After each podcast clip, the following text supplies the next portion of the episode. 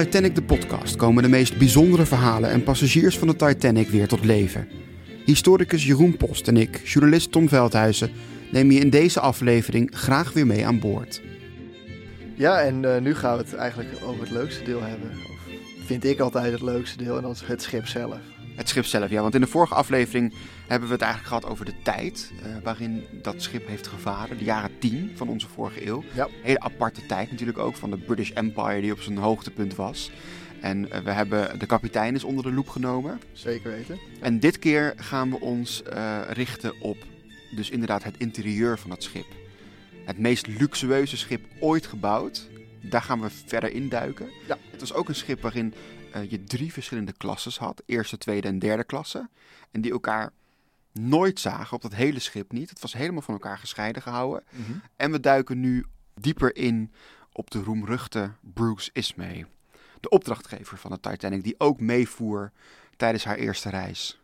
Ja, inderdaad. En het is het leuke bij dat schip, als we daar naar gaan kijken. En natuurlijk kunnen we er niet omheen om over te praten over hoe fantastisch het er allemaal uitzag. En ja, dat moet haast wel, want het was zo luxe. Precies, wat voor uh, ja, geweldige technologische snufjes het allemaal. Maar het leuke denk ik ook, en dat is dan misschien de historicus in mij, die het ook heel leuk vindt om even te kijken naar hoe dat schip nou precies was gebouwd. Naar de standaarden van de samenleving in die tijd. Met inderdaad drie klassen, met mannen en vrouwen gescheiden. En uh, met natuurlijk ook, ja, een uh, ongekende rijkdom en wilde voor diegene die het kon betalen.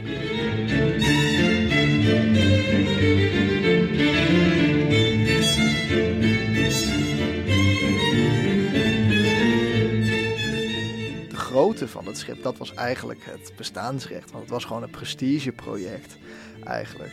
Dat ze de grootste schepen ter wereld uh, wilden bouwen. Nou, dat, dat is er zeker. Dat is er zeker gelukt. En uh, de opdrachtgever Bruce Ismay, waar we straks op terugkomen, die heeft ook gezegd: je moet op dit schip zitten en je moet er nooit meer vanaf willen. Precies.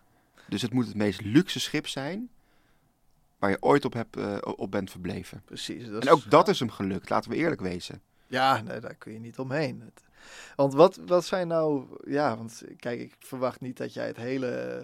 Ik heb niet de hele blauwdruk uit mijn hoofd geleerd, maar als we hem hier zo op tafel zien, Mhm. mm -hmm. dan is het best heel erg indrukwekkend. En ik denk het eerste wat opvalt is hoe groot de eerste klasse is. Ik denk dat dat een heel goede is, ja. Want we hebben hier een blauwdruk op tafel die eigenlijk alle niveaus van het schip laat zien. Het gaat helemaal van A-dek, wat eigenlijk het hoogste puntje hè, van dat witte stuk, eigenlijk de, ik weet niet hoe dat op een schip heet. De topfloor noemen ze dat geloof ik. Ja, de topfloor uh, inderdaad. Nou, het grote witte gedeelte waar ook de brug zich bevindt, waar het... Uh, de, Waar de kapitein, de kapitein zich zet, waar slaapt, de, de, de, de, duurste suites zijn. Inderdaad. Noem het allemaal maar op. Echt, dat je, je had gewoon, gewoon vijf kamers tot je beschikking, echt in die suites. Ja, en je ziet eigenlijk en dat buitendek. de eerste klasse bijna het, het hele... Je neemt gewoon twee derde van dat schip in ja, beslag. dat verwacht je niet. Want nee. als je kijkt naar uh, gewoon aantallen, was de derde klas was by far het grootst. Dat was nou, een enorm deel van het schip. Uh, daarna was de eerste klasse het grootste. De kleinste klasse was eigenlijk de tweede klasse. Dat komt ook omdat in die tijd de, de verschillen was, zo groot waren. Ja, en er was nog niet echt zoiets als een middenklasse. Nee. Dus de, dat was heel klein. Dat, dat kwam op. Hè, dat wordt steeds groter natuurlijk. Maar in die tijd uh, was, waren de verschillen groter en zat er niet echt iets tussen. En dat schip reflecteert dat. Want de middenklasse, de tweede klasse dus, heeft eigenlijk alleen een heel klein stukje in het achterin het Achterin zitten ze inderdaad, hè? Dus ja. die, vierde, die, die, die, die vierde buis, uh, hoe heet dat? Die vierde schoorsteen. Ja, precies. Daar tot dat punt, daar begint eigenlijk uh, hun zone op het schip. Dus ironisch gezien hielden zij de voeten langs droog toen dat uh, allemaal de lucht in ging. Maar ja, de eerste klasse is enorm als je... Nou, als je kijkt inderdaad op de, op de kaart, dus zeg maar wat, uh, wat eerste klasse heeft aan ruimte. Dat is, dat is zo ongelooflijk mooi, want ze hebben een... een, een een rookruimte, hè? Zo'n zo zo smoking lounge, een fantastische dineerzaal, ja. waar ook uh, zeg maar een soort van glaswerk op zit. Dus het natuurlijk daglicht viel erop. Wat ook opvalt, want er zijn natuurlijk wel een aantal, aantal oude foto's van de Titanic bekend. En niet veel. Het meeste interieur, um, ja, we denken dat het een beetje lijkt op dat van de Britannic. En de Olympic, daar zijn wel wat meer foto's. Ja, eigenlijk is het veel gedaan door extrapolatie. Dus Precies. we weten zeg maar, wat de Titanic kunnen we ongeveer naar kaarten zoals deze maken. Omdat uh, we weten hoe de, de Olympic... Hoe de twee zusterschepen eruit ziet inderdaad. Dus, dus uh, wat ik ook opvallend vind, heel veel kamerplanten. Ja. Ze hebben een soort botanische tuin eh, af en toe aangelegd in die ruimte. Dus je denkt, goh, Ja, nou ja, je kan veel groen. voorstellen, hè, want je bent toch vijf dagen op zee. En dat wordt op een gegeven moment toch een beetje saai. Dus ja, als je dan met wat groen kan omringen, dan, dan doe je dat. Maar vertel eens Tom, hoe, hoe, hoe kwam je zo'n schip binnen? Je bent een eerste klas passagier. Hè? Je, je bent, nou, rijke miljonair, filmster, weet ik wat.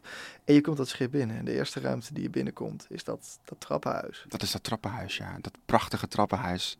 Fantastisch. Waar je inderdaad, je komt dus eh, eh, ongeveer op, op best wel hoog het schip binnen. Hè? Dus je moet een, een looptrap moest je over. En dan kwam je best wel hoog binnen. En voor je zie je dus inderdaad ja, de, de, de trappenzaal. Met een gigantische koepel eigenlijk van glas en lood. Ehm, waar natuurlijk zonlicht naar binnen schijnt. Het houtwerk is een soort mahoniehout gelakt. Ja, Ehm, de vloer, prachtig tapijt. Eh, er zijn eh, hele mooie kunstwerken aan boord, schilderijen. grote klok. De grote klok, de, hele, ja, de beroemde klok inderdaad. Wat stond er ook weer op? Honor and Glory. Honor and Glory, zo. Dat, eh, En dat is dan het domein wat je betreedt. En eh, dan werd je door een van de stewards natuurlijk daar je, naar je suite geleid. Of naar de, de kamer die je, die je had. En ook dat was allemaal prachtig gemeubileerd. Schitterende, veel hout natuurlijk, veel Ja. hout. Veel eh, Louis XIV en Louis XVI stijl. Dat was echt dat, ja, groot, verfijnd Franse stijl, ja. Franse stijl, inderdaad. Eh, verfijnd houtwerk, mooie bekleding. Het was allemaal echt schitterend afgewerkt. En zelfs binnen de eerste klasse, hè, de, toch al de rijkste klasse, waren er ook nog verschillen. Want Uiteraard. we hadden de rijken, hè, als je gewoon een normale rijke was, laten we maar zeggen, Ja. hè, een paar miljoentjes, niks bijzonders, dan eh, had je een eerste klas suite. Nou, dat, dat is al bijzonder. Hè? Dan had je een, een mooie bedstee, je had een klein zitkamertje, je had nou, van alles, bureautje, alles erbij. En ook allemaal in een prachtige stijl. Maar er waren ook nog een paar grote suites aan boord. Nou, en dan kreeg je echt wel je geld waard. Maar dan was je ook wel een biljonair, zeg maar. Ja, dat, die suite, dat is echt wel echt buiten proporties. Hè? Ja. Want eh, er zijn er geloof ik twee van op de Titanic. Twee suites. Klopt. Ik kan het hier nu even niet vinden, maar Ja, ik zie ze hier boven op de kaart. Ja, twee suites. En die hebben dus ook nog een heel groot buitendek. ja, je had je eigen promenade. Je had je eigen promenade, inderdaad. En dat vind ik zo, ehm, ook zo bijzonder, inderdaad. Dat je denkt van, goh, eh, de ongekende luxe waarin de eerste klas zich bewoog. Dat was natuurlijk niet normaal. Nou ja, en dat is heel fascinerend als je naar het schip kijkt. En dan zie je dat alle drie de klasses eigenlijk hun eigen soort van habitat hebben. Dus wat je ziet als je naar deze kaart kijkt, is dat eigenlijk iedere klasse van dit schip, dat is ook heel typisch Victoriaans, zich eigenlijk over deze 270 meter kon bewegen zonder elkaar tegen te komen. Dus het was dat vind ik ook zo bizar, inderdaad. Dus die mensen kwamen elkaar niet... Dus je zag niet eh, als, eh, als eerste klas passagier, zeg maar even, de, de, de werkende klasse, de, arbe- de arbeiders. Nee, precies. Nou, en dan zeker niet als je je eigen promenadedek had, dan kon je al helemaal... Kon je helemaal de afzonderen. Ongewassen massa's houden, zeg maar. Die, dat, dat, die hoefde dat helemaal niet mee te maken. Tussendoor, dus de kans dat Leonardo DiCaprio en Kate Winslet elkaar zouden hebben ontmoet. Het, het Die kans was heel klein. was ja. betrekkelijk klein We hadden de vorige aflevering bedacht dat als we eh, de, naar de film verwijzen, de beroemde Titanic film, Ja. dat er een euro in de pot gaat. Hè? ja, de James Cameron. eh, De James Cameron film inderdaad. Omdat dat, dat is zo'n iconische film natuurlijk die elke keer weer eruit springt. ja, het is toch een van mijn favoriete films. Ja. Ik, weet dat veel mensen me zullen uitlachen. Ik weet het niet. Wanneer is dat gebeurd? Dat die film ineens iets gênants is geworden? Dat Eh, weet ik eigenlijk niet. Waarom zou die iets gênants moeten hebben? Ja, het is wel heel cheesy natuurlijk met dat nummer van Dat is toch leuk? Dion. Die ook nog draaien hierin? Nee, dat gaan we niet doen, want dan krijgen we gedoe met de rechten. De twee seconden Celine Dion draaien en dan onherkenbaar. Laten we dat maar niet doen. Eh, ook maar voor, voor, voor de luisteraar niet. Nee, precies. Maar goed, we hebben dus inderdaad een, eh, een schip dat eigenlijk helemaal is ingericht naar die klassenmaatschappij. Dus waarin inderdaad de eerste klasse nou, heeft een, een enorm veel ruimte. Heeft, nou ja, ik denk, het heeft drie restaurants eigenlijk. Dat Drie restaurants, hè? Het is een soort all-inclusive. eh. Ja, want je hebt eten wanneer je wilde. Precies, en je hebt dus de grote eetzaal hadden ze. En die liep door de hele breedte van het schip, ging die door. Dat was echt immens. Ehm, je had een à la carte restaurant. Dus eh, de eetzaal werkte volgens een vastgesteld menu. Ah, als je daar geen zin in had, dan eh, kon je voor een intiemere sfeer gaan bij het à la carte restaurant. En dan kon je zelf bestellen. En ze hadden ook een café parisien. En dat eh, was een van de verschillen tussen de eh, Olympic, de Britannic en de Titanic. De Titanic had dat café en de Olympic had dat niet. En dat is, we hebben het hier ook echt over gewoon een, een café zoals je die in Parijs zou tegenkomen in Ja. de jaren tien, hè? Zo was het gebouwd, om het te- met rieten stoelen en zo. Het moest zeg maar lijken alsof je aan de straat zat in Parijs. En een heel grappig detail is dat er ook de, de White Star Line adverteerde het ook van als je dan bij ons komt in dat café Parisien, dan hebben wij echte Franse obers. Dat was Oh, helemaal niet zo. Het waren, het waren Italianen. Oh, die een niet Frans uit. accent Oh, ja, deden. echt maar dat, dat, werd, ja, dat werd in die tijd gewoon, nou ja, het zag er Frans uit. Dus het was Nou, ik heb één keertje, want je hebt in, eh, in Noord-Engeland, het, in- kijk, de, het enige schip wat niet gezonken is, is de Olympic. Ja. En die is naar de schroothoop gebracht eigenlijk. Precies. Dus daar, daar, daar hebben ze alles. Maar het interieur van de Britannic staat in een prachtig restaurant in Annick, Noord-Engeland. Dus voor de mensen die ooit, dus eigenlijk in de stijl van de Titanic willen dineren, ik heb het ooit een keer gedaan, moet je naar de Swan in Annick. En dan zit je dus gewoon in de stoelen en aan de tafels en aan het interieur, de spiegels, alles. Zoals het op de Britannic eh, was. Het zusterschip van de Titanic. Dus dan voel je een heel, heel klein, ietsiepietsie beetje hoe dat moet zijn geweest. Om daar te dineren. Maar Tom, want hoe dineren we in de stijl van de Titanic? Want jij hebt iets meegenomen. Ik heb iets meegenomen. Het is wel een replica hoor. Maar het is dus de menukaart. Ja, eigenlijk een beetje de galgemaal. Oh, Want het is eh, eh, de menukaart van 14 april 1912. weet je. De laatste avond van de Titanic. Dat die nog, eh, nog voer. Ja, als we het dan over een galgenmaal hebben, dan, dan kun je het wel slechter treffen dan dit. Ja, je begint met de, eh, moet ik het goed uitspreken, hors de oeuvre varié, Hors d'oeuvre. hors d'oeuvre, ja. En je krijgt oesters. Zo. Voorgerechtje. Als we, dit hebben we het echt over de aperitiefs, Ja, inderdaad. ja, nou, dan zie ik hier een, een heel beroemd gerecht, de, het lam met, met een beetje muntsaus, gerooste eend met appelsaus, heerlijke sirloin eh, van, de- van, van het vlees met En over hoeveel gangen hebben we het hier? 12, Zo. 12 gangen. Dan kun je er ook maar beter voor zorgen dat je iemand naast je hebt zitten met wie je een leuk gesprek kan Ja, voeren. zeker, Je zeker. zit Ja. zeker een tijdje aan tafel. Ja, en hier inderdaad, je krijgt dus koude asperge vinaigrette met eh foie gras. Nou, dat vind ik dan weer minder, dat dat Ja, gevoerde gans. ja maar in Ehm, die tijd dierenrechten, ik ja. niet dat dat heel hoog... je kreeg eh, vanille-eclairs als toetje. Je kreeg Frans, eh, Frans ijs en een, eh, een walnotenpudding. Alleen al, zeg maar, alleen al de toetjes waren vi- vier gangen. Dus je kreeg vier vier, gangen aan toe. vier gangen aan toetjes, ja. Nou, dan kom je uiteindelijk wel, There's always room for uit op de. 12, ja. Ja, ik heb hier ook nog de menukaarten uit de tweede klasse en uit de derde klasse. En de lunchkaarten, dus die mensen die moeten echt wel goed vol hebben gezeten op het moment dat ze, Absoluut. Want ja, de, de luxe van de eerste klasse, die, die spreekt natuurlijk wel enigszins voor zich. Maar de andere klassen waren ook zeker niet slecht af. Er werd ook gezegd dat de, een suite in de tweede klasse was eigenlijk, op de Titanic, was eigenlijk wat je op veel andere schepen in de eerste klasse kreeg. ja, precies. En ook de derde klasse, want ja, je denkt dan toch snel van, eh, nou, die, die sliepen in een, in een emmer of zo. Ja, je, dacht, je dacht echt, die worden weggestopt ergens in de hul van het schip. En die, die ja, precies. Op zand Liggen naast het anker, maar dat, dat viel best wel mee. Helemaal niet. Het was prachtig eigenlijk. Want eigenlijk was het normaal in die tijd. eh, in derde klasse. Dan sliep je in het vooronder en dan vaak ook nog op een slaapzaal. Hè, en daar lag je tussen nou, met nog eh, twintig andere immigranten als je geluk had. Want het kon ook wel met veertig zijn. Mhm. Maar in de Titanic kreeg je vaak een, een kamer. En je hoefde maar met vaak vier anderen eh, op een kamer te En zitten. met drie anderen inderdaad. Dus je had vier, vier, vier bedden op een Ja. kamer. Ja. Ja, vier ja, drie anderen, inderdaad. En dus dat, dat, dat was eigenlijk ongekende luxe. Je had stromend water. Het was wel alleen koud water, maar ja, we, hebben prima. Je hebt het, ik heb de dagboeken gelezen van een aantal eh, derde klasse passagiers. Die zich echt verwonderden over het stromende water. Dat hadden ze thuis niet. Ja, maar ja, het- ik, ik neem aan dat de, de onderkomens van de gemiddelde onderklasse familie nou ook niet echt... Nee.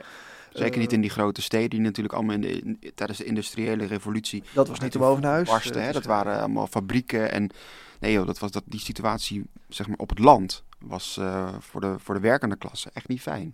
Dus, dus aan hen werd eigenlijk voor die vijf dagen dat ze er waren op zo'n schip. Kijk, we moeten zeggen, je betaalde er ook voor. Hè? Ja, wil je weten hoeveel een ticket kost eh, op Mag de een- Titanic? Mag ik een gok? Ja, dat mag. Oké. Eerste klas. Hoeveel, hoeveel, hoeveel denk je dat dat vandaag een ticket zou kosten? Ja, ik denk voor een ticket, voor eh, een cruise ticket nu. Hè, dat, dat zal... ehm, pff, ligt eraan waar naartoe, met 2000, 3000, zoiets. Ja, komt, nou, het is wel duurder hoor. De Titanic was duurder. Als je derde klasse had, Derde klasse. derde klasse betaalde je 7 pond. Eh, en dat is omgerekend nu ongeveer 850 pond. Huh. En dan hebben we het dus over ongeveer 900 euro, zeg maar. Maar, ja, voor de derde klasse is dat heel duur. Derde klasse, oké. Maar ging je naar de eerste klasse, dan betaalde je 30 pond. En dat zou nu omgerekend zo'n 3600 pond zijn. Dus heb je het over 4000 euro. Voor de welke klasse? Voor de eerste klas. 4000 euro. Maar, maar, maar, die Oh, suites... Oh, god. Ja, dat is echt absurd. Die suite, die suite kostte 870 pond. En dat is een omgerekend eh, het geld voor vandaag ongeveer 110.000 euro.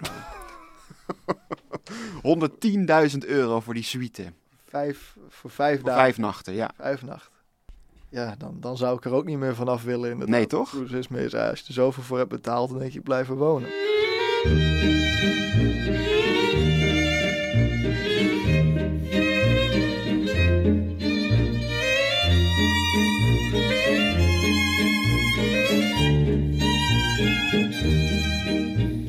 Maar, want we weten nu ongeveer hoe het was om daar te slapen, hè, in, in die suites. Maar die kregen natuurlijk een hoop bij. Ja, je kreeg er allerlei faciliteiten bij Ja, natuurlijk. niet vijf dagen op je kamer naar de muur staren. Dus, nou, laten we bij de derde klasse beginnen. En dan zullen we zien hoe het steeds eh, nou ja, wilderiger wordt eh, als we zich naar boven in het schip bevinden.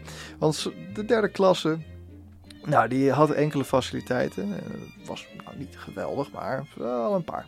Eh, je had een eetzaal. Nou, dat scheelde al eh, enorm, want Er werd gewoon voor je gekookt. er werd voor je gekookt. En dat spreekt voor zich nu, maar dat was het niet in die tijd. Want op veel schepen in die tijd werd het van derde klas passagiers verwacht dat ze hun eigen eten mee zouden nemen. Zodat je gewoon met je zakje brood op de kade zou staan en dan, ja, Ja, maar ja, na vijf dagen gaat er toch een beetje schimmel op de broodpak zitten. precies. Maar ja, dat, daar betaalde je voor. Hè? ja. Dus bij de Titanic, je betaalde een smak extra geld, maar er werd voor je gekookt. En de eetzaal was schoon. Je zat wel allemaal op banken eh, naast elkaar, maar er was een heel redelijk diner. Dus naast een goed bed en een goed bord eten voor je neus op eh, bepaalde tijdstippen in de dag, kon je ook nog eh, een sigaretje roken. Je had een smoking lounge. Eh, iedere klasse had zijn eigen smoking lounge. En natuurlijk, de eerste klas was enorm, hè, met Die was prachtig. luxe, ja, dat, dat komen nog op. Maar de eerste klasse, of de derde klasse, had ook gewoon een, een redelijke smoking lounge. En er was nog iets wat een eh, common area heet. Dus waar je gewoon een soort van gemeenschappelijke zitkamer. Waar je gewoon, eh, ja, een beetje eh, een en boekje kon bijvoorbeeld een lezen. bar, weet je wel. S'avonds gewoon dat Nee. je entertainment had, muziek, drank. Was dat Nee, ja, kijk, ik- je maakt me arm, want nu moet ik weer aan de James Cameron film refereren. ja. Want daar zie je natuurlijk hoe ze een heel feest geven in die derde klasse Ja, dat kan eetzaal. ik me nog. Dat ze zo aan het dansen zijn en zo. Ja, of dat gebeurde, dat weet ik ook niet. Dat, eh, dat zou kunnen. Ja, maar, maar er, was, er werd niet echt geserveerd zoals bijvoorbeeld in de eerste klas. Waar mensen s'avonds nog drank eh, konden krijgen. Of eh, een sigaar. Of... Nee, ja, over het algemeen volgens mij. Ik weet ook niet of er drank in de derde klasse werd geschonken. Want over het algemeen werd daar toch enigszins pejoratief naar die mensen gekeken. Van nou, laten we daar maar geen alcohol eh, aan geven. Want die gaan met elkaar op de vuist. Of was ook, ze werden ook getest op luizen. eh, voordat ze aan boord gingen. Dat gebeurde allemaal op wat het poepdek heet. Dus ook waar de honden van de eerste Ja, klasse. poepdek. Dat is dus helemaal achteraan. Daar Ja. konden de mensen van de derde klasse mochten daar naar buiten. Maar, En naar binnen.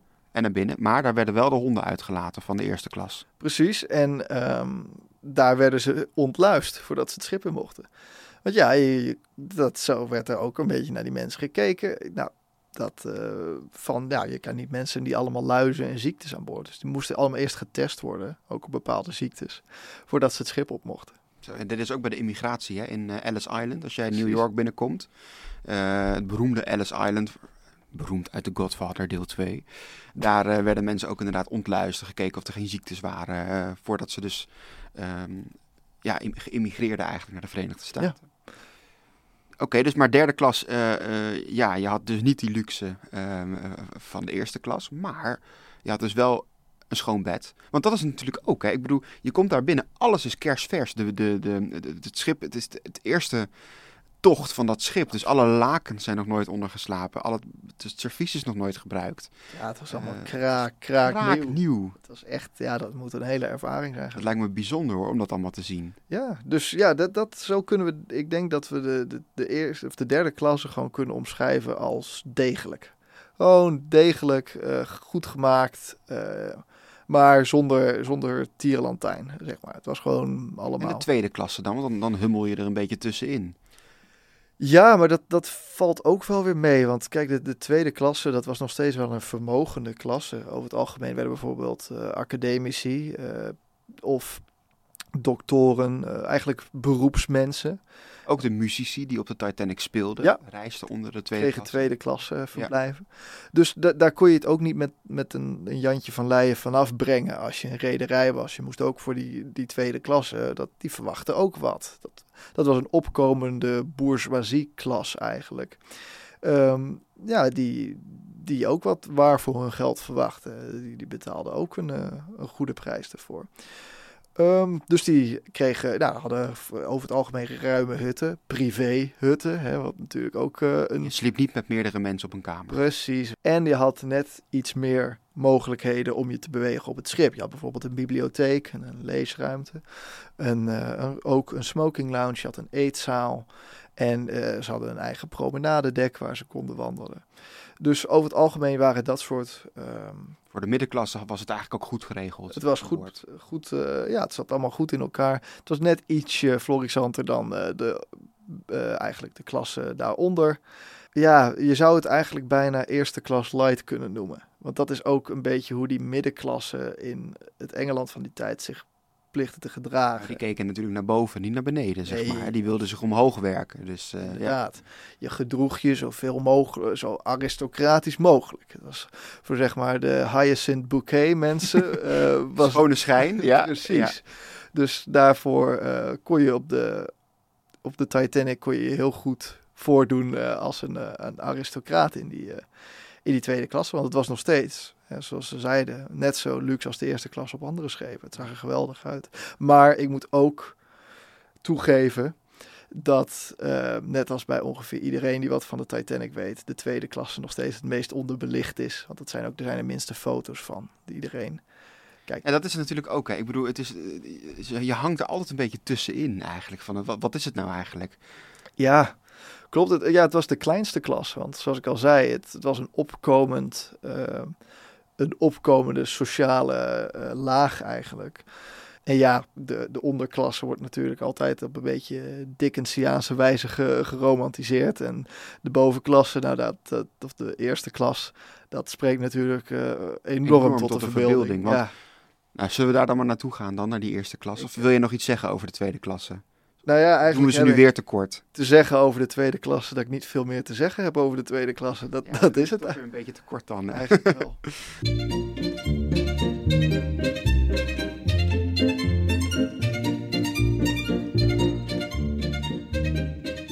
De eerste klasse spreekt eigenlijk meest tot de verbeelding, omdat dat...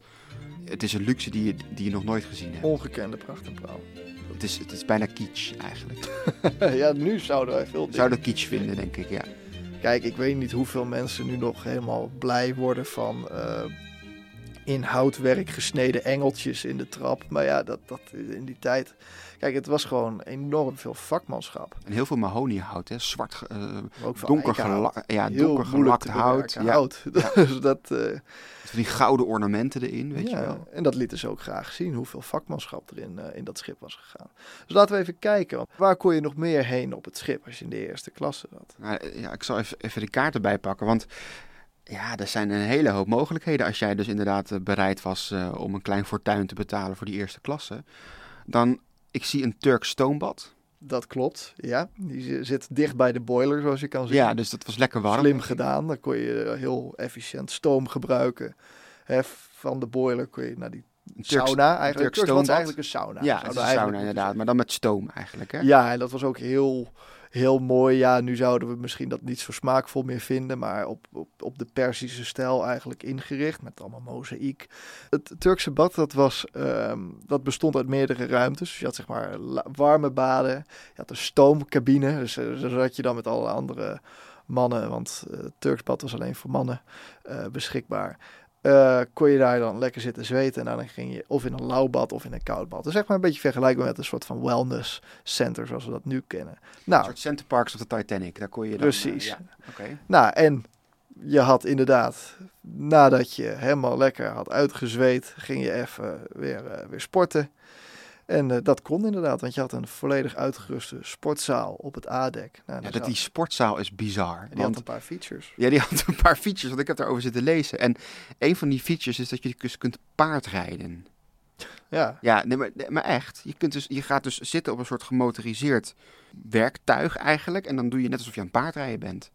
Ja dat is Het is, het absurd. Ja, je zou het eigenlijk even moeten googlen. Dan kun je het zien, want er is wel een foto van. Ehm, maar je gaat gewoon op een soort neppaard zitten en dat... Dat is heel ingenieus iets. Het Heel ingenieus. De rijkste passagier aan boord, eh, John Astor, eh, een groot deel van de nacht eh, dat het schip zonk, voordat eigenlijk, het was zeg maar die fase in het zinken dat iedereen wel wist dat er iets aan de hand was, maar iedereen dacht van nou, het zal wel goed komen. Het schijnt dat gedurende die dat uur eh, John eh, Jacob Astor zich eh, met het mechanische paard heeft bezig gehouden. Gewoon Een daar soort afleiding. maar ja, gewoon een beetje daarop zat en een beetje in de sportschool aan het rondhangen was. En, met zijn familie. Ja, en je had, daar, je had er een roeimachine. Ja, dat Ja, roeimachine, dat had is je in die natuurlijk tijd moeilijk om daar niet. een soort van ironische lading aan te geven als je naar het einde van de nacht kijkt. Ja. Maar ja, Zeker. dat hadden ze. Wat maar ja, ook- laten we het dan inderdaad, want, want zeker, je, je had dus een prachtige sportschool. ehm, maar dan, eh, nu je het toch over die roeimachines hebben, er waren te weinig reddingsboten aan boord. Veel te weinig reddingsboten. Mhm. En dat had ermee te maken met dat ze het niet mooi vonden. Ze vonden Klopt. het niet esthetisch. Ja. De eerste klasse moest zich wel vrij kunnen bewegen op het dek. En dat moeten we niet helemaal vol proppen met boten. En eh, er werd natuurlijk gezegd over de Titanic dat het schip onzinkbaar was. Dus de noodzaak voor eh, reddingsboten was, eh, nou die zagen ze niet zo. ja, ik weet het niet, maar misschien was het ook, dat, dat, dat bind me daar niet op vast, maar het zou ook kunnen dat ze het een beetje deden om vertrouwen uit te stralen. Van, wij hebben geen reddingsboten nodig. Dit schip is zo veilig dat eh, als je dan je hele dek vol hebt met reddingsboten, ja, dan Hoeveel vertrouwen gaan mensen dat, dan eh, denken ja. van, ja, waarom hebben we dat eigenlijk Maar nodig? er waren 64 reddingsboten nodig, eigenlijk. En ze hebben er maar 20 meegenomen. 20, 20, ja. 64 waren er nodig. Dus je kunt je voorstellen dat er gewoon, ja, er waren maar een derde van de reddingsboten die nodig waren, waren meegenomen. Ongelooflijk. Ja, dat laat toch die, ja, die arrogantie zien die eh, toch een, een thema is eigenlijk in de hele Titanic-ramp. Toch een beetje die, eh, dat ja, opgeblazen vertrouwen in, Totaal opgeblazen, inderdaad. Ja. in de technologie. ja. Het onderschatten van wat er allemaal mis kan gaan. En dat de oceaan toch nog altijd een heel gevaarlijk iets is. Zeker, Wat absoluut. zelfs in een eh, technologisch geavanceerd tijdperk als 1912 nog steeds niet getemd was.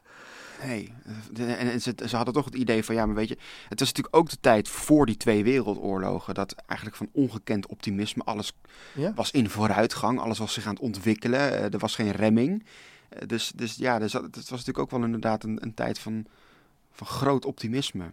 Ja, het- misschien ook wel van zelfoverschatting dan. Nou, het was een tijd waarin het eigenlijk als vanzelfsprekend werd gezien dat de toekomst beter zou zijn dan het verleden. En dat was in die tijd, kijk, wij denken vaak aan de toekomst, dat dat, kijk, ons vertrouwen in de toekomst is eigenlijk pas heel kort geleden een beetje tot een halt toegeroepen, omdat we de klimaatverandering hebben. Maar eigenlijk is het idee dat van innovatie is nog betrekkelijk nieuw. Er is lang niet altijd gedacht van, oh, we het gaat steeds maar beter worden. Maar in de vroege eigenlijk de vroege 18e eeuw komt dat idee steeds meer voort. Van we, we worden steeds slimmer, we ontdekken steeds meer en meer vertrouwen in de toekomst. En eigenlijk viert dat zijn hoogtijdagen wel in die eerste twee decennia eigenlijk van de 20e eeuw. Maar ja, in die tijd werd er, eh, was er grenzeloos enthousiasme over wat er allemaal bereikt kon worden.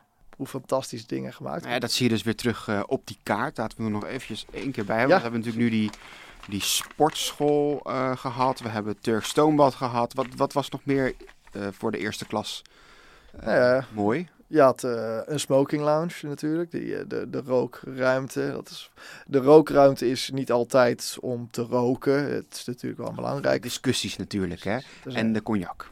Ja, en het was ook een soort van man cave. Het was eigenlijk zeg maar... De Ja, want vrouwen mochten er niet komen, die hè. mochten daar niet komen. Die hadden hun eigen ruimte daar. Dat is ook een eh, grappige anekdote. Dat, dat Thomas Andrews eh, tijdens het ontwerpen van het schip gezegd schijnt te hebben... nou, de volgende vrouwenruimte die ik op een schip maak... wordt een stuk kleiner dan degene die ik nu ontwerp voor de Titanic. Want eh, vrouwen laten zich niet meer wegsturen.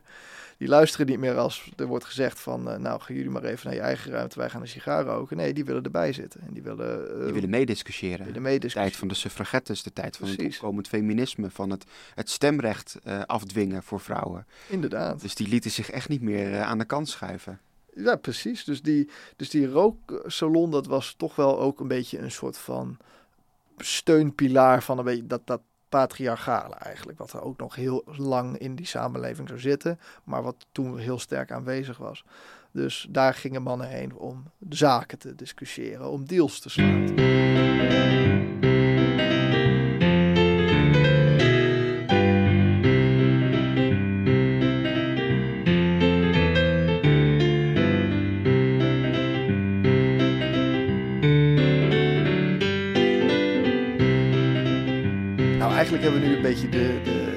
Passagierszijde hè, van het verhaal hebben gehad.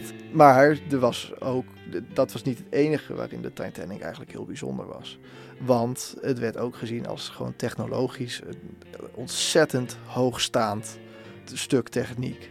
Want ze hadden allerlei eh, veiligheidsmaatregelen, maar ook technologische snufjes die het schip heel bijzonder maakten. Zoals bijvoorbeeld een lift.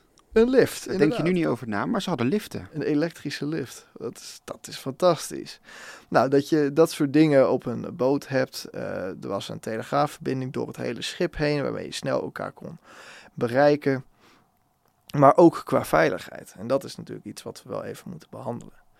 Ja, dat is een, een, een- een, lastige natuurlijk. Maar het schip had dus waterdichte deuren. In de onderste, als je kijkt naar de kaart, eh, de, de onderste compartimenten, de onderste verdiepingen eigenlijk, hadden een waterdichte deur. Ja. En die waterdichte deur die kon nou ja, dicht als er dan water in de compartimenten zou komen. Tot E-dek. Tot. E-dek ongeveer, ja. Dus dat is ongeveer tot halverwege het schip. Ja. Eh, en daaronder zaten dus inderdaad, die onder de waterlijn zaten die deuren. En eh, Thomas Andrews, dus de architect van dat schip, die had berekend dat als er vier compartimenten, als er water in komt, dan kan het schip blijven drijven. Dus met andere woorden, dat water verspreidt zich niet over het hele schip, Nee. maar blijft in één compartiment. Maar, en dat is natuurlijk ook de pech, ehm, die ijsberg heeft zich door vijf compartimenten heen Ja, geperforeerd. En daardoor is het dus een mathematische zekerheid geworden dat het schip zou zinken. Dat is ook waarom Thomas Andrews vrij snel kon concluderen dat het schip eh, ja, moest zinken. moest zinken. Hij zei het kan niet anders. Ik heb het, op, ik heb het ontworpen, dus hij weet precies Ja. wat het wel en niet kan hebben. Dus die waterdichte deuren waren natuurlijk een heel nieuw, innovatief, een, een goed idee. Alleen het was net een compartiment te veel. Wat, eh, Klopt. Maar het, het, eh, het ding is ook dat in die tijd, het schip werd dus onzinkbaar geacht vanwege dat systeem. Want het was technologisch, was het enorm hoogstaand. Ja, dus is precies. Dus stel je voor dat er inderdaad een schip in een van die compartimenten zich zou boren. Of er zou iets. Nou, met Het- eh, SS Hawk bijna Bijvoorbeeld, dan zou, die, dan zou die niet zinken. nee, dat maar wordt niemand houdt rekening met een ijsberg die helemaal langs die zijkant. die hem eigenlijk als een soort kaasschaaf openscheurt. Precies. Dat, dat kun je je niet voorstellen. Nee, want eh, eigenlijk de, er is een hele leuke bron, namelijk een, eh, een tijdschrift voor, eh, van de scheepsbouw, een vakblad uit die tijd. En dat introduceert dat systeem. Dat is een groot artikel en daar wordt gezegd, de White Star Line gaat zijn schepen uitrusten met dit systeem. En daar wordt het eigenlijk bejubeld van. En daar komt volgens mij ook origineel ehm, de quote vandaan dat het schip onzinkbaar is. Omdat er werd gedacht, kijk, het ergste wat je eigenlijk in de scheepsvaart kan hebben, over het algemeen, is een hull breach. Dus eh, een, een lek in de romp, water Precies. komt Onder de waterlinie, water komt het schip binnen. En normaal, als, die, als je die waterdichte deuren niet zou hebben. dan verspreidt het zich over zo'n hele ja, verdieping. Ja, of je moet pompen, maar ja, Je moet dat, pompen, maar dat, als je het gat te groot is, heb je dat ook niet. precies. En nu heb je die deuren. Ja, en die houden dat tegen. Ja, en zo wordt dat in dat tijdschrift ook omschreven. Van nu, kijk, het ergst denkbare in de scheepsvaart gebeurt.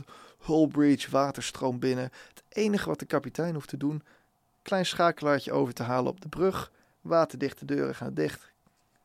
Klaar. En het schip blijft drijven. Zo, zo werd dat beschreven. En het is natuurlijk ook wonderbaarlijk dat ook in die tijd, hè, 1912, dat vanaf een afstand gewoon die deuren dicht konden. Door gewoon maar een schakelaar over te halen op de brug. Hè, wat toch gauw 40, 50, me 70 meter verderop is. En het hele schip wordt afgedekt. Ja, dus dat, dat, je snapt dat mensen in die tijd er geweldig van onder de indruk waren. Ja, en, het, en, en terecht ook, alleen het heeft niet gewerkt. Ja, en, en een fatale fout eh, in het ontwerp is geweest dat de, ehm, de wanden tussen de compartimenten, die sloten ze van de zijkant af, maar niet van de bovenkant. Dus op een gegeven moment toen het schip inderdaad met een zeer scherpe hoek naar beneden ging, stroomde het water van het ene compartiment naar het andere. En zo vulde uiteindelijk de hele romp van het schip vol Precies. met En water. zo moest hij zinken Zo uiteindelijk. moest hij zinken. Ja.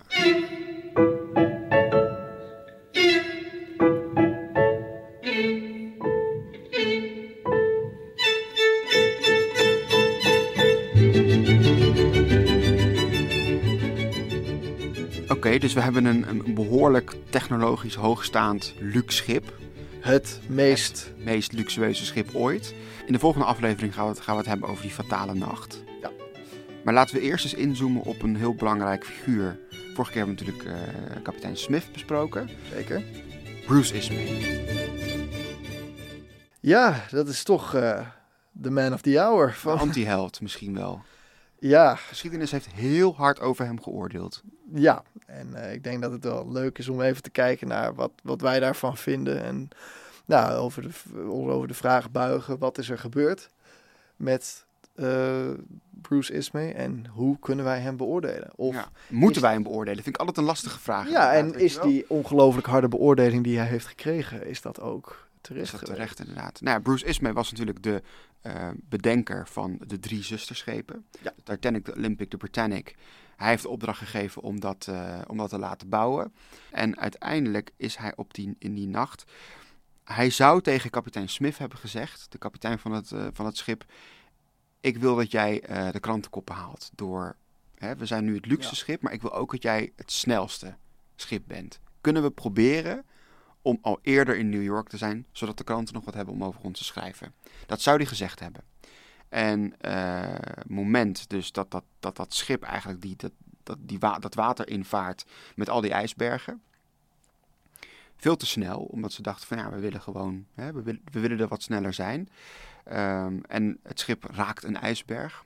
Zou kapitein Smith hebben gezegd tegen Bruce Ismay, well, Mr. Ismay, you are gonna get your headlines. Ja. Toen hij dus wist dat het schip zou zinken.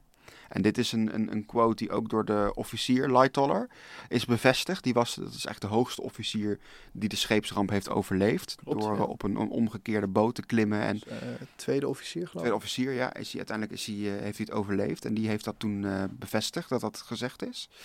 Ja, dus Ismay zou, ehm, zou de fluisteraar zijn hè, in het oor van de kapitein van je moet sneller, je moet sneller. En zo dus de levens eh, in gevaar hebben gebracht. Nou ja, wat je eigenlijk nu vertelt is zeg maar de, de bekende perceptie van, Precies. van Precies. Een beetje het duiveltje op de schouder van Smith. Die hem influit. Hey, zet nog even een tandje bij. Er, eh, zorg ervoor dat die motoren echt op een eh, maximum draaien. En dan eh, halen we New York in, In de ochtend. in de ochtend. Nou, nu is mijn rol als ja, toch historicus om dan ja, daar bevraagtekens bij te zetten, denk ik. Ja, laten we eerst heel even kort kijken wie was Bruce Ismay. Want Bruce Ismay had een bekende vader, Thomas Ismay. Eh, Thomas Ismay was de man die de White Star Line eigenlijk ehm, uit het slip had getrokken. Die er eigenlijk voor had gezorgd dat de White Star Line het grote moderne bedrijf was wat het was in 1912 toen het de Titanic afleverde. Thomas Ismay die had het eh, gekocht. Het was een kleine rederij van zeilgaande, eh, of ze- zeegaande zeilschepen. Ehm, en hij had eigenlijk overzien dat dat nu moderne stalen op door stoom aangedreven passagiersschepen zouden worden. En onder hem was dus de eh, rederij enorm gegroeid. Ehm, dus Bruce Ismay was eigenlijk een rijke luiszoontje. Nou, dat, dat helpt eigenlijk al niet in je verhaal. Hè? Dan ben je toch een beetje eh pappies, jochie. En hij zorgde eigenlijk, neemt hij het stokje van zijn vader over. Eh, Thomas Ismay die eh, sterft in eh, 1899, dus vlak voor het eh, begin van de 20e eeuw. Ja, en eigenlijk is dan een enorme druk op Bruce Ismay om toch het werk van zijn vader voor te zetten. En om ook die enorme concurrentiestrijd die we in de vorige aflevering hebben besproken, om die Tussen Cunard Line en de White Star Line. precies om die toch te winnen. Nou, daarom eh, besluit hij samen met zijn partner van de werf, Harland en Wolff, Lord Perry, besluit hij om die eh, enorme schepen te bouwen. Hoe was Ismay als eh, persoon? Dat, eh, zo kun je natuurlijk ook kijken van, nou, hoe zou hij zich hebben gedragen in die nacht? En dan krijg je toch iemand, een beetje het idee van een Januskop eigenlijk. Hij was iemand die door sommige mensen werd omschreven als een hele stille man, een beetje ongemakkelijke man. En in, door anderen wordt hij juist omschreven als eh, ontzettend charismatisch, eh, vlot van de tongriem gesneden, eh, enorm, eh, gewoon echte zakenman, vlotte jongen. Hij was nou, een hele lange vent en een knappe man. Dus uiteindelijk werd hij gezien als een soort dandy. Maar hij was ook iemand die ontzettend hield van de zee en van schepen. Hij stond er ook altijd op dat hij mee zou varen op de maiden voyage van al de De eerste reis, ja. De dus eerste reis. Allereerste reis. allereerste reis wilde hij aanwezig. Zodoende was hij dus ook aan boord van de Titanic. Precies. En eh, ja, dat eh, heeft hem eh, duur, heeft, is hem duur betaald komen te staan. Of Ja, want ik heb ook inderdaad dan de ooggetuigenverslagen gelezen van die nacht. En ehm, hij zou hebben geholpen bij het inladen van de passagiers in de reddingsboten. Daar zou hij ondersteunend zijn geweest. Dat zeggen ook de, de, de crewleden eigenlijk van aan boord. En het adagium was natuurlijk vrouwen en kinderen eerst. Ja. Dat was, en en in, die, in die tijd was dat heel belangrijk. Hè? Dus, dus ook een beetje vanuit die, die kerkelijke, christelijke eh, cultuur van... oké, de mensen die Victoriaans. het Victoriaans zijn de mensen die zwakker zijn. Eh, dus de vrouwen en de kinderen die mogen eerst. En de sterke man, die redt zich wel en ehm, eh, die geeft zijn plek op. Ja, Eigenlijk. offert zich op. Offert zich op. Dat, zelfopoffering is een, is een hele belangrijke hierin. Eh, maar het schijnt ook zo te zijn dat als er geen vrouwen en kinderen meer in zicht waren. Eh, en je moet natuurlijk ook even inbeelden dat die nacht natuurlijk enorm chaotisch verliep. Ja. En niet iedereen had toegang tot het dek. Dat is ook nog iets heel belangrijks. Zeg maar de toegang vanuit de derde, eh, vanuit de derde klasse tot de eerste klasse dek, zeg maar, waar de reddingsboten waren. Ja. Die was heel beperkend. Dus heel veel mensen konden niet goed naar buiten toe. Ehm, dus op een gegeven moment, ja, er, er- er waren weinig passagiers op dat dek. En de boten gingen niet helemaal vol eh, weg. Dus, dus de boten konden misschien wel 70 mensen hebben. En soms gingen er maar, maar boten met 12 tot 20 personen weg. Klopt, ja. En eh, zou gezegd, hebben van, eh, zou gezegd zijn van, nou ja, zijn er nog vrouwen en kinderen? Niemand meer. En Bruce Ismay zou zijn ingestapt. In Ja, het zijn bootje. eigenlijk de twee grote aanklachten die tegen Bruce Ismay worden gemaakt over het algemeen. Eén, hij zou dus de kapitein, dus Captain Smith, hebben beïnvloed in het sneller varen. Ja. Dat hem dus eh, eigenlijk de hoofdschuldig gemaakt. Precies. Dat ehm, schijnt een, een gesprek te zijn eh, wat zich in het restaurant heeft plaatsgevonden. En dit berust op de getuigenis van één vrouw uit de eerste klas. Dus één vrouw zegt, ik heb ze gehoord. Eh, ik zat naast ze aan tafel. Ehm, en Ismay heeft Smith onder druk gezet om hard ja, te gaan heeft, varen. of heeft, ehm nou, ze omschrijft het van Ismay was aan het praten en eh, Captain Smith die, die knikte een beetje mee. En dat, dat is iets waar Captain Smith onbekend stond, dat hij, ja, wel een beetje, ja, hij vond het allemaal wel best, maar hij dacht er het zijn ervan, zeg maar. Dus precies, Hij, ja. zou wel een beetje mee hebben geknikt. Uiteindelijk, laten we heel eerlijk zijn, de kapitein is de baas. En hij had op zijn bureau de ijsbergwaarschuwingen liggen. Ja. Dus hij is eindverantwoordelijk natuurlijk voor, eh, Uiteindelijk wel. voor hoe snel het schip gaat. Ja, dus dat, dat is de, de eerste aanklacht. En de tweede is eigenlijk dat hij het heeft overleefd, Ja. om het heel bot te Ja, zeggen. dat is het wel inderdaad. dat hij in een reddingsboot is gestapt. Nou ja, zijn eigen getuigenis eh, van het, of zijn eigen kant van het verhaal is dat er was helemaal niemand op het dek. Eh, Eigenlijk wat ik net zei, ja. Ja, precies. Dus ik moest erin. Ehm, er zijn ook mensen die zeggen dat hij erin is gegooid omdat zijn, nou ja, bijna... Mensen zeggen dat hij als een, als een bezetene over het dek rende. Mensen bijna in de boten gooide en echt tegen iedereen aan stond te schreeuwen over wat ze moesten doen. Dus dat, er, dat ze, ja, zou bijna denken dat ze hem zo zat waren dat ze hem in die boot hebben gegooid. Ja, Ook wel moeilijk te geloven, hè? Dat iemand, zeg maar, zegt van, ik heb, ik heb zoveel last van jou, ga jij maar in die boot zitten en dan ben ik er vanaf. ja klopt. Het, eh, Maar ja, het is natuurlijk ook een hele chaotische nacht geweest. Absoluut. Dus eh, ja, je kan het niet, ehm, je kan het niet eh, ontkennen eigenlijk. Je kan het niet wegwuiven van nee, dat is niet gebeurd. Want het is, het is mogelijk. Ja. Een paar dingen die niet hielpen, was de manier waarop Bruce Ismay eigenlijk werd beschouwd voor de ramp.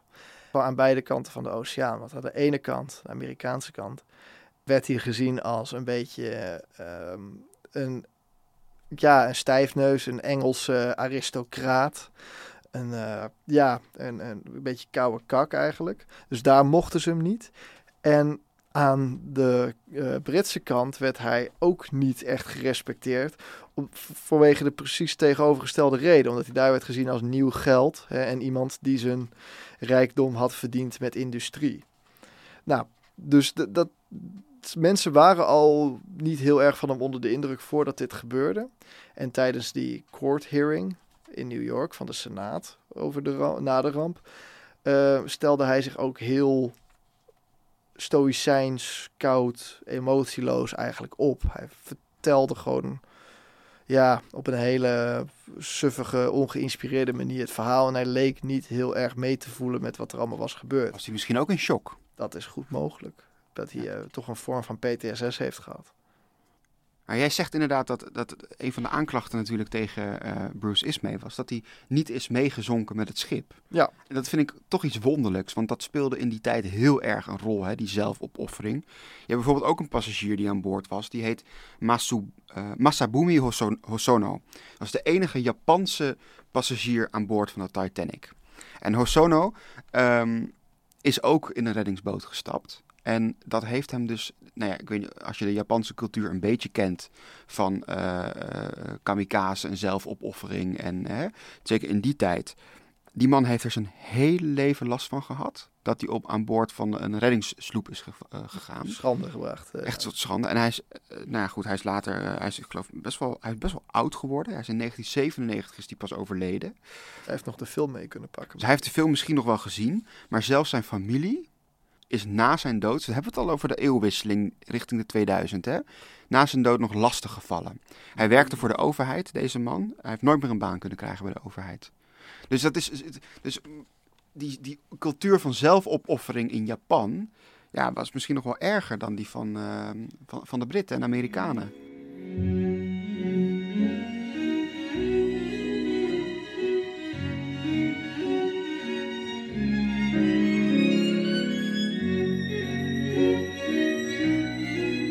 Wat zou jij doen, Jeroen? Hè? Stel is een plekje op zo'n reddingssloep, op zo'n boot.